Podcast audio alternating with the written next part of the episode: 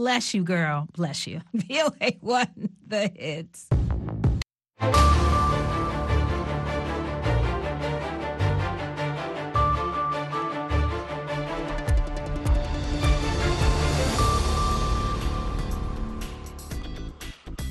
halkani waa washington laanta af soomaaliga ee idaacadda v o a oo aad ka dhegaysanaysaan mawjadaha gaagaaban efemada geeska africa iyo caalamka oo dhan ood nagala socotaan v o a somaali com.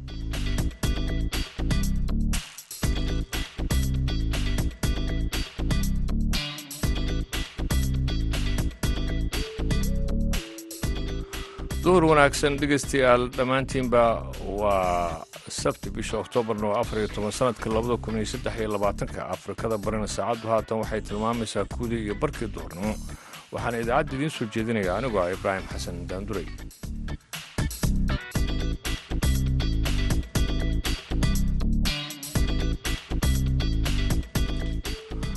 Qodobada aad ku dhegaysan doontaan idaacadda duhurnimo waxaa ka mid ah barnaamijka madasha dhalinyada oo aan maanta ku eegayna weerarkii argagaxa lahaa ee soobe ee afar iyo tobankii oktoobar ee labada kun iyo toddobiyo tobankii lix sano kadib. Horta markaan tegey isgoyska soobe de waxaa ka muuqday wax ka duwan lix sano ka hor musiibadii dhacday ee maaragtay burburkii iyo wuxuu meesha ka dhac way ka duwan tahay soobe waxaa ka socda ganacsi xoogan mashquulkii waa sidiisii goobihii ganacsi carwooyin dhismayaal cusub iyo maaragtay horumar xoog leh ayaa ka jira isgoyska soobe mashquulkii lix sano ka hor mushkiladda badan ka dhalatay weli waa sidii heesihiina waan idin hadba intuu wakhtigu nuu saamaxaa si yeeshee intaasoo dhan waxaa ka soo horrayn doonaa. markii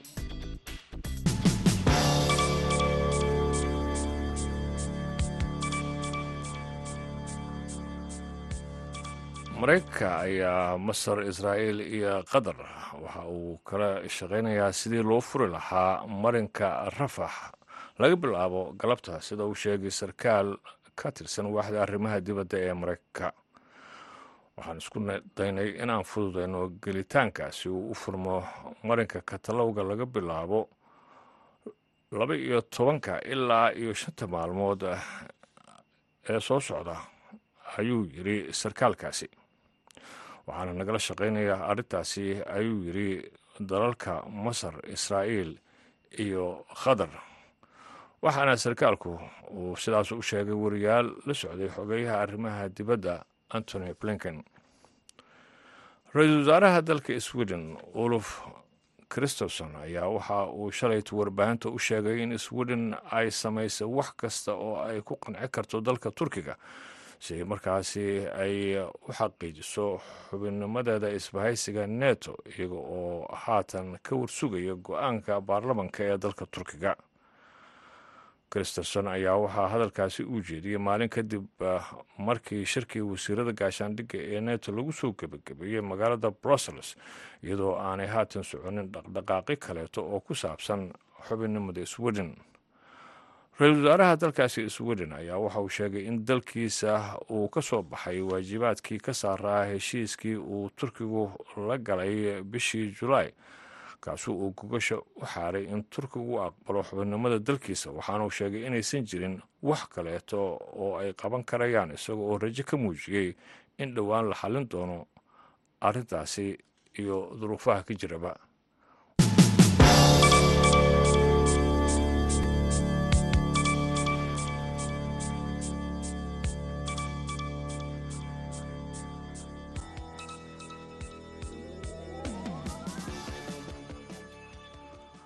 haatana dhegeystayaal waxa aad markana ku soo dhowaataan barnaamijka madasha.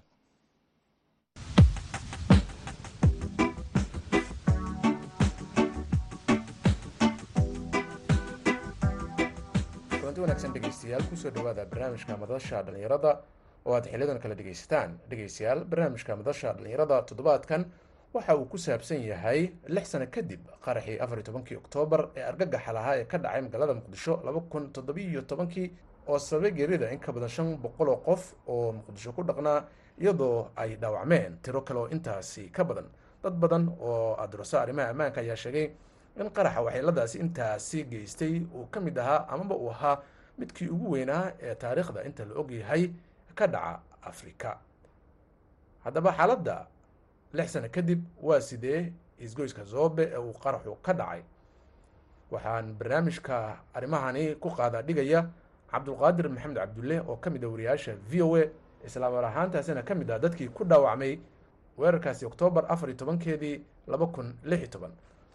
Cabdulqaadir oo barnaamijka madasha dhalinyarada toddobaadkan marti ku ah ayaan ugu horreyn weydiiyey inuu sharaxaad ka bixiyo waxa uu ku xasuusto qaraxii oktoobar afar iyo tobankeed laba kun lix iyo toban jamaal markay timaado in laga hadlo lix sano ka hor ee afar iyo tobankii oktoobar qaraxii ugu weynaa ee ka dhaca soomaaliya waxa uu ahaa musiibo weyn oo taabatay guri walba ee soomaaliyeed marka laga hadlayo muqdisho iyo guud ahaan dadka soomaalidu meel kastay joogaan. Waxaa dhacay qaraxii ugu weynaa ee abad ka dhaca soomaaliya laguna tilmaamo inuu yahay mid ka mid a qaraxyadii ugu waaweynaa ee dunida ka dhacay galabkaas waxay ahayd afar tobankii oktoobar weliba maalin sabdi ay ahayd maantaoo kale waxaana ku jira shaqada waxaan markaasi ku mashquulsanaa samaynta warbixin aan kaga hadlayay xaalad la xiriirta xabsiga dhexe maxaabiista ku jirto. Anigoo shaqadaas gacanta ku hayo gebagebo marayno ayaa qaraxa uu dhacay qaraxa meeshuu ka dhacana waxay ahayd isgooska sooba anigana dhismaha isgooska sooba saaran laamiga saaran ayaan ku sugnaa oo markaas aan rabay inaan banaanka uga baxo oon galo hotel goobta ku yaalla hotel safari oo ah hotel caana.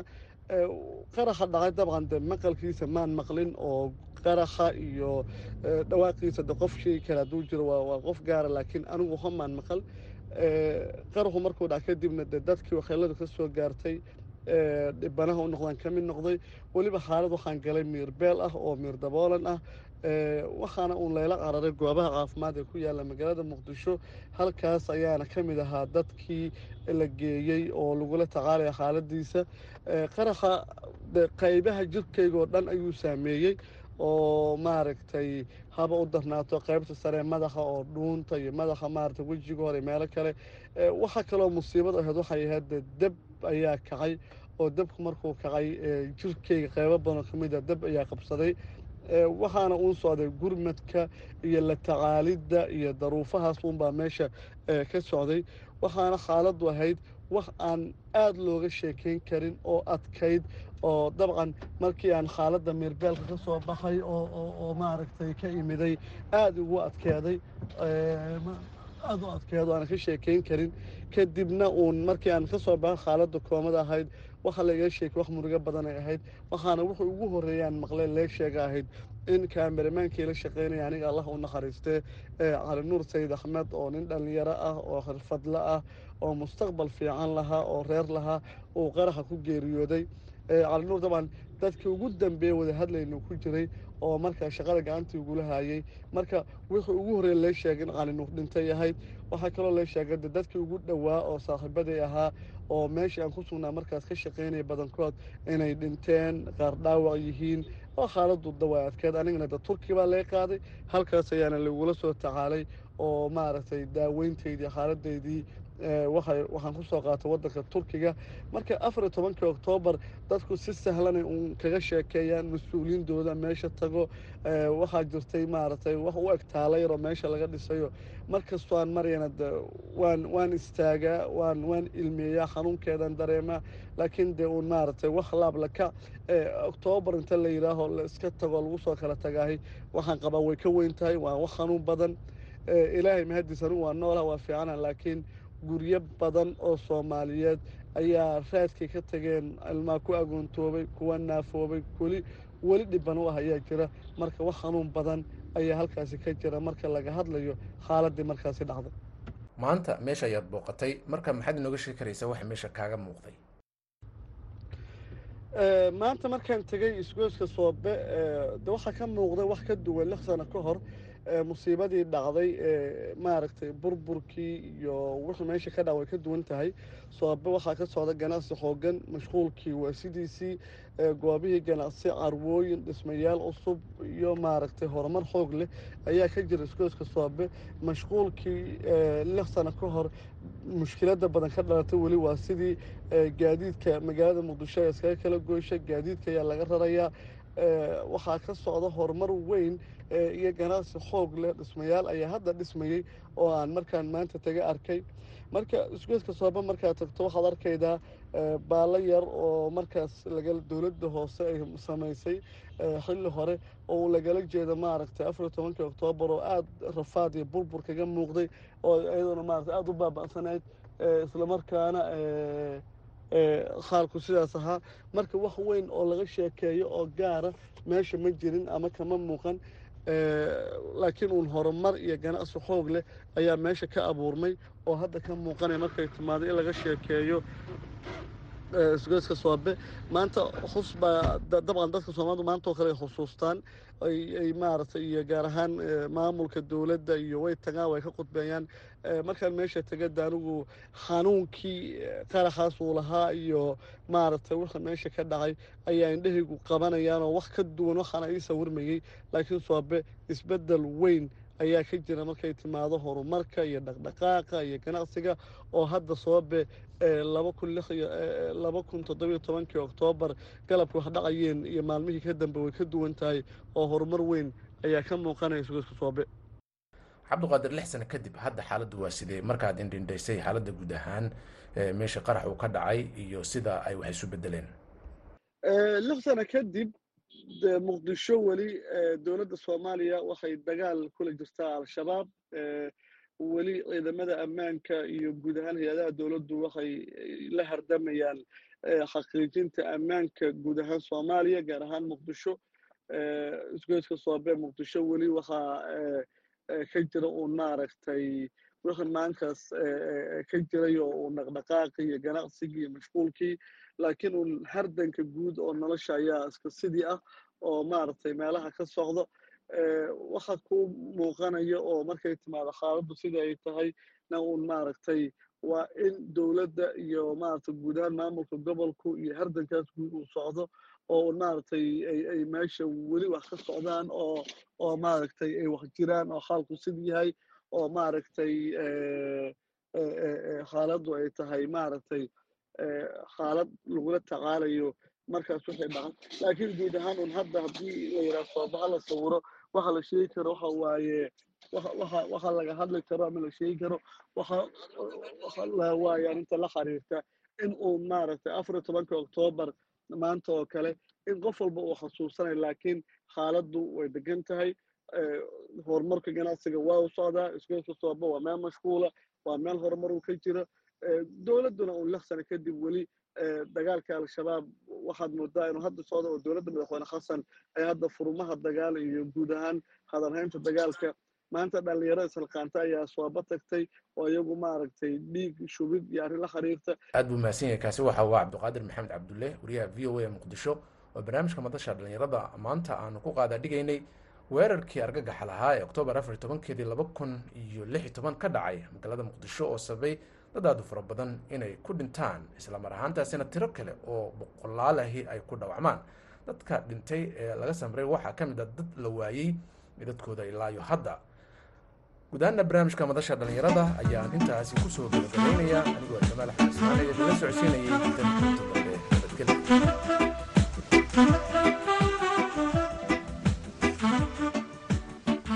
sanadkaasina wuxuu ahaa jamaal axmed cusmaan oo nala socodsiinayay barnaamijka madasha. Haatana dhankii heesa ayaan jaleecaynaa ku soo dhowaada heesta. Ah iga goosan caawaad iga gacan sarraysa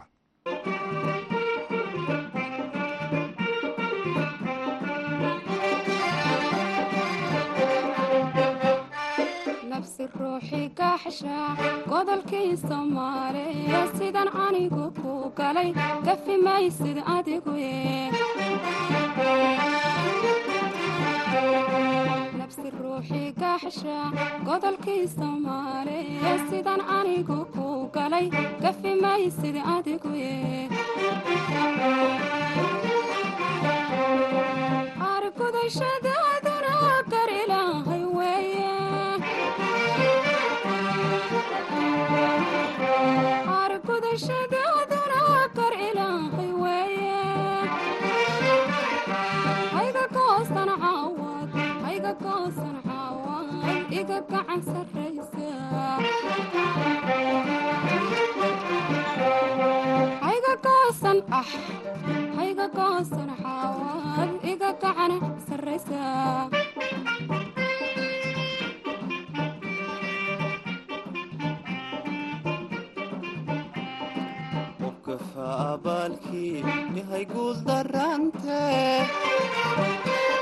waxaanaynin gabadh yahay gacantaadu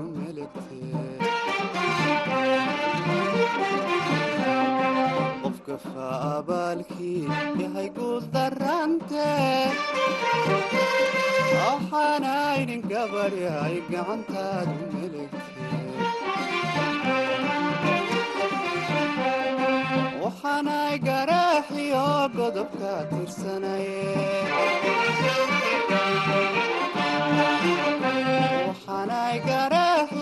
godobka tirsanaye gurhayga filanine gurhayga filanine gurigayga idhaab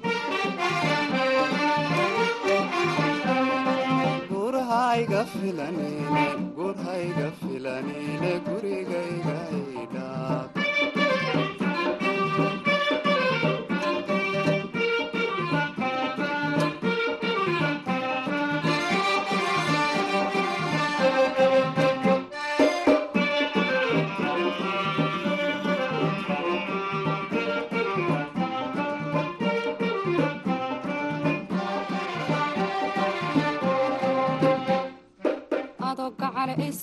biday waataan ku gawdhasheen ku garwaaqsan waayeen kaa taagatay gacantee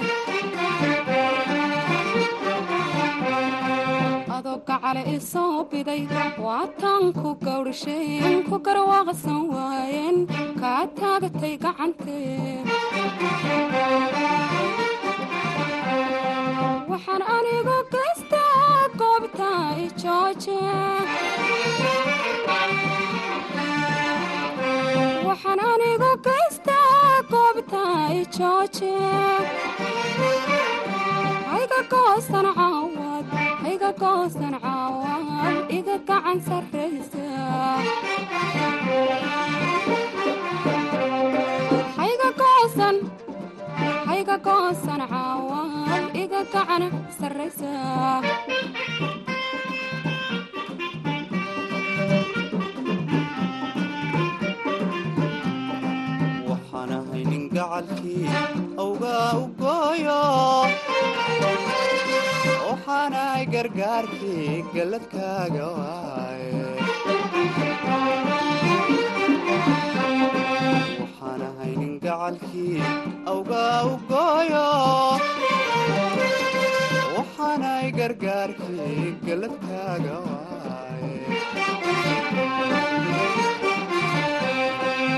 waxaanay dambayse waxaanay gandoodiyo gocoshow dambayse gurhayga filanine gurhayga filanine gurigayganidhaab gurhayga filanine gurhayga filanine gurigayganidhaab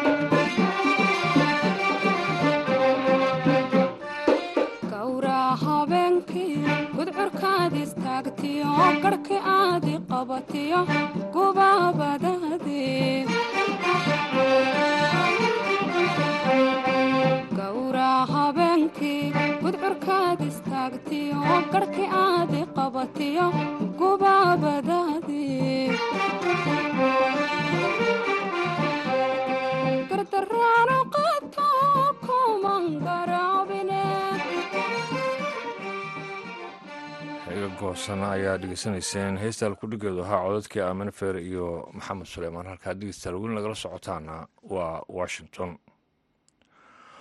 Waxaa si caadi ah ugu soo noqonaya magaalada laascaanooda xarunta gobolka sool nolosha. Kadib dagaalo halkaasi bilo ku dhex maray ciidamada somalilan iyo kuwa deegaanka. Ganacsiga ayaana ka mid a meelaha ka soo kabanaya. Dib u dhaca colaaddu ay sababtay wariyaha v o a cabdikariim urul ayaa wuxuu la kulma qaar ka mid a ganacsatada. Guud ahaan magaalada laascaanood ee xarunta gobolka sool ganacsiyada kala duwan gaar ahaan goobaha magaalada gudaheeda ayaa si weyn ugu soo noqonaya. Magacagaadoo ku bilaabaya. Magacay waa siciid axmed cilmi. Waxaan ku suganahay magaalada laascaanood ee xarunta gobolka sool maamulka s s c khaatumo. Aad baan kugu soo dhoweynayaa cabdikariin iyo maaragtay v o eeda aad baan idiin soo dhoweynayaa way kala duwan tahay say ahayd labaatankii ama labaatankii augosto iyo maaragtay maanta oo ay bishu tahay iyo labaatankii bish sagaalaad waxaan leenahay fakri weyn baa u dhexeeya oo runtii aan la soo koobi karin. Tusaalehaan haddaan baxalig dhow kaaga soo bilaabo ganacsigu maalintii waxaad arkaysa ama laba meherood ama hal meherood baa laamiga intaa lee ka furnayd. Caawana waad aragtaa meel kasta way furan tahay waxaa furan carwooyinkii waxaa furan hoteeladii waxaa furan xataa bahal yaryaraa ee kabadhada ahaa ee waagii hore ammaan ahaan lagala cararay tuulooyinka lala aaday shacabku nin walba meheradiisiibuu ku soo noqday. Kii aan meherad cusub horey meherad u lahayna hadduu wuxuu bilaabay mid cusub ama kabar ha ahaato ama sandaqad ha ahaato qof walba wuxuu heli karay iyo haaban karay. Magaaladuna runtii aad iyo aad bay uga soo kabanaysaa burburkii iyo waxyaalihii gaadhay ka soo hadhay. Sicid iga warran noocyada ay ka kooban yihiin ganacsatada hadda furmaya baliiga sheeke iyo dhallinyarada soo noqonaysa ee goobaha cusub hirgeshanaysa afar ama shan nooc oo kala duwan haddaan kugu soo qaato. Qaybta bakhaarada ee bakhaarada waaweyn raashinka soo dejiya iyo bagaashka iyo qaybta qudaarta iyo qaybta dharka oo runtii haddeer aad magaalada ugu soo badanaya. Carwooyinka waaweyn iyo miisaska yaryar oo runtii ah laba dabaqadood oo kala sarreeya. Oo meherada haygalaaskaada oo kale carwooyinkaas ay ka adeegtaan dadka qayb qaybna ay kabadhada iyo sandaqadoodaha yaryar ka adeegtaan. Intumana runtii way soo kabanayaan markaad eegtid qof walba wuxuu ku leeyahay dhaqaalahaygu. Intii haddeer la joogay bisha gudaheeda waan dareemayaa runtii in korukac ku imaanayo dhaqaalaha. Waan salaamayaa miidiyaha v o a oo ku salaamayaa saaxiib si wanaagsan. Waxa weeyaan aad bay u fiican tahay ganacsiga iyo shaqadu. Haddii allaba kuu roon yahay waa bilow. Safarradii waa maqan yihiin. Haddii allaba kuu roon yahay safarradii waa maqan yihiin way imanayaan jidkay ku soo jiraan waxba ma xuma. Waddanku waa hagaagsan yahay dambeyni waa jirtaa hawshu waxba ma xuma. Oliya u soo kabanaysaa hadda halkan aanu ku sugannay waxa weeyaan waa carwo bilic dumar waa carwada haweenka weeyaan. Ganacsigu meel aad iyo aad u fiican buu marayaa dadkii aad bay u soo guryo noqdeen. Marka ganacsigu meel aad iyo aad u wanaagsan buu inoo marayaa bilaha soo socdan inuu xawli ku sii socdo baynu rajeynaynaa haddii allah awoodda la ogolaado carwooyinka badankooda horta way wada xidhnaayeen laakiin hadda badi dib baa loo wada furay. Runtii siday magaaladu mataqaanaa colaada u gashay baaxadda intaa leeg iyo siday u soo kabanayaan marka laysbarbar dhigo waa wax aada iyo aad u kala fog. Dhallinyaradii badnayd ee shaqo abuurka ka heli jirtay ee ku shaqo beeshay dagaaladii dhacay ma laga yaaba inay ganacsigooda dib u bilaabaan oo mar labaad ay shaqadii halka ka sii wadaan oo kale. Haa dadkeennu waxyaabaha aadka iyo aadka aad ula yaabayso waxa weeyaan iyo siday mataqaanaa ganacsiga u wadaan isleeyihiin dadkiinii qaxay mataqaana yaanay waxba idinka waayin. Oo wax runtii aada iyo aad aad ula yaabtid wey jirta cabdikariin nolol v o a magaalada laascanood door wanaagsan ayaan dhegeystayaal mar kale idin leeyahay halkaad weli nagala socotaana waa idaacaddeenii duhurnimo ee barnaamijka dhalinyada ah oo idinkaga imaaneysa washington. Markana dhankii heesaha ayaan mar kale jilleecaynaa. Laba dooxanto waxaa wada qaadaya xaywa xasan tuuxow iyo axmed inshaar. Cabdi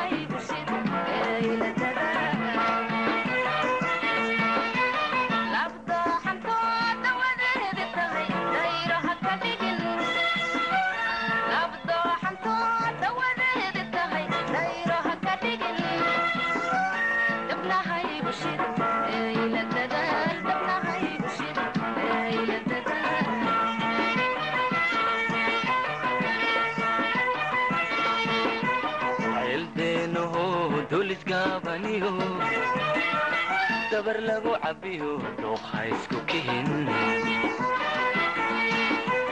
ceeldeenaho dulisgaabaniyo dabar lagu cabbiyo dhuuqa isku kihin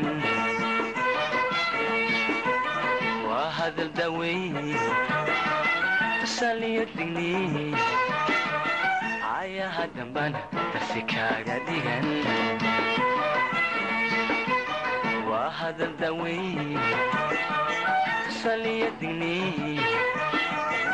ayaha dambana darsi kaaga dhigan eedibisu qabo hana daalino hadal yuu ku dinin eedibisu qabo hana daalino hadal yuu ku dinin niya kaadaban kuma diirnaxde niya kaadaban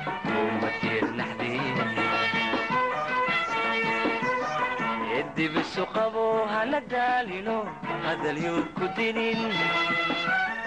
Eedibisu qabo hana daalino hadal yuu ku dinin. Niya kaadaban kuma diirnaxde niya kaadaban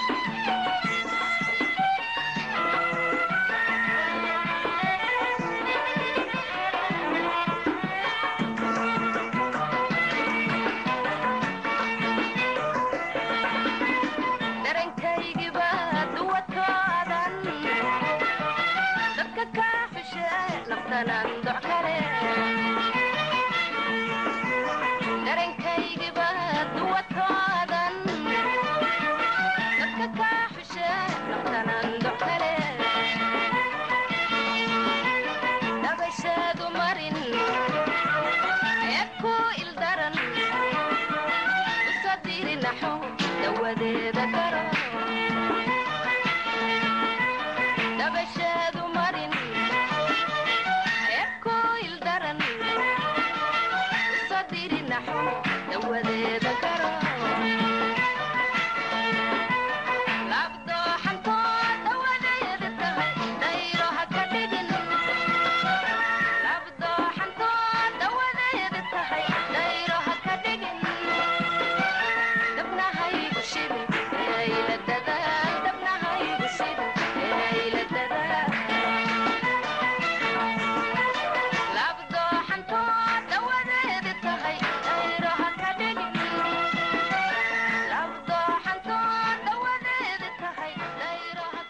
idaacaddeena duhurnimo dhegeystayaal intaas ayaan ku soo gebagabaynaynaa intaan mar kale kulmi doonno waxaan idinkaga tegayaa sidaa iyo nabadgelyo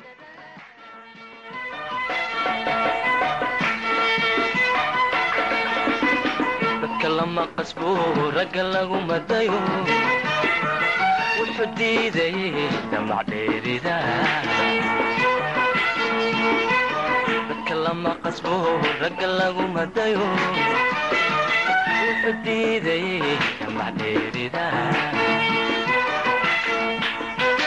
wadardaarano dambay ku tahee shaki haddaye dumar uu lahaa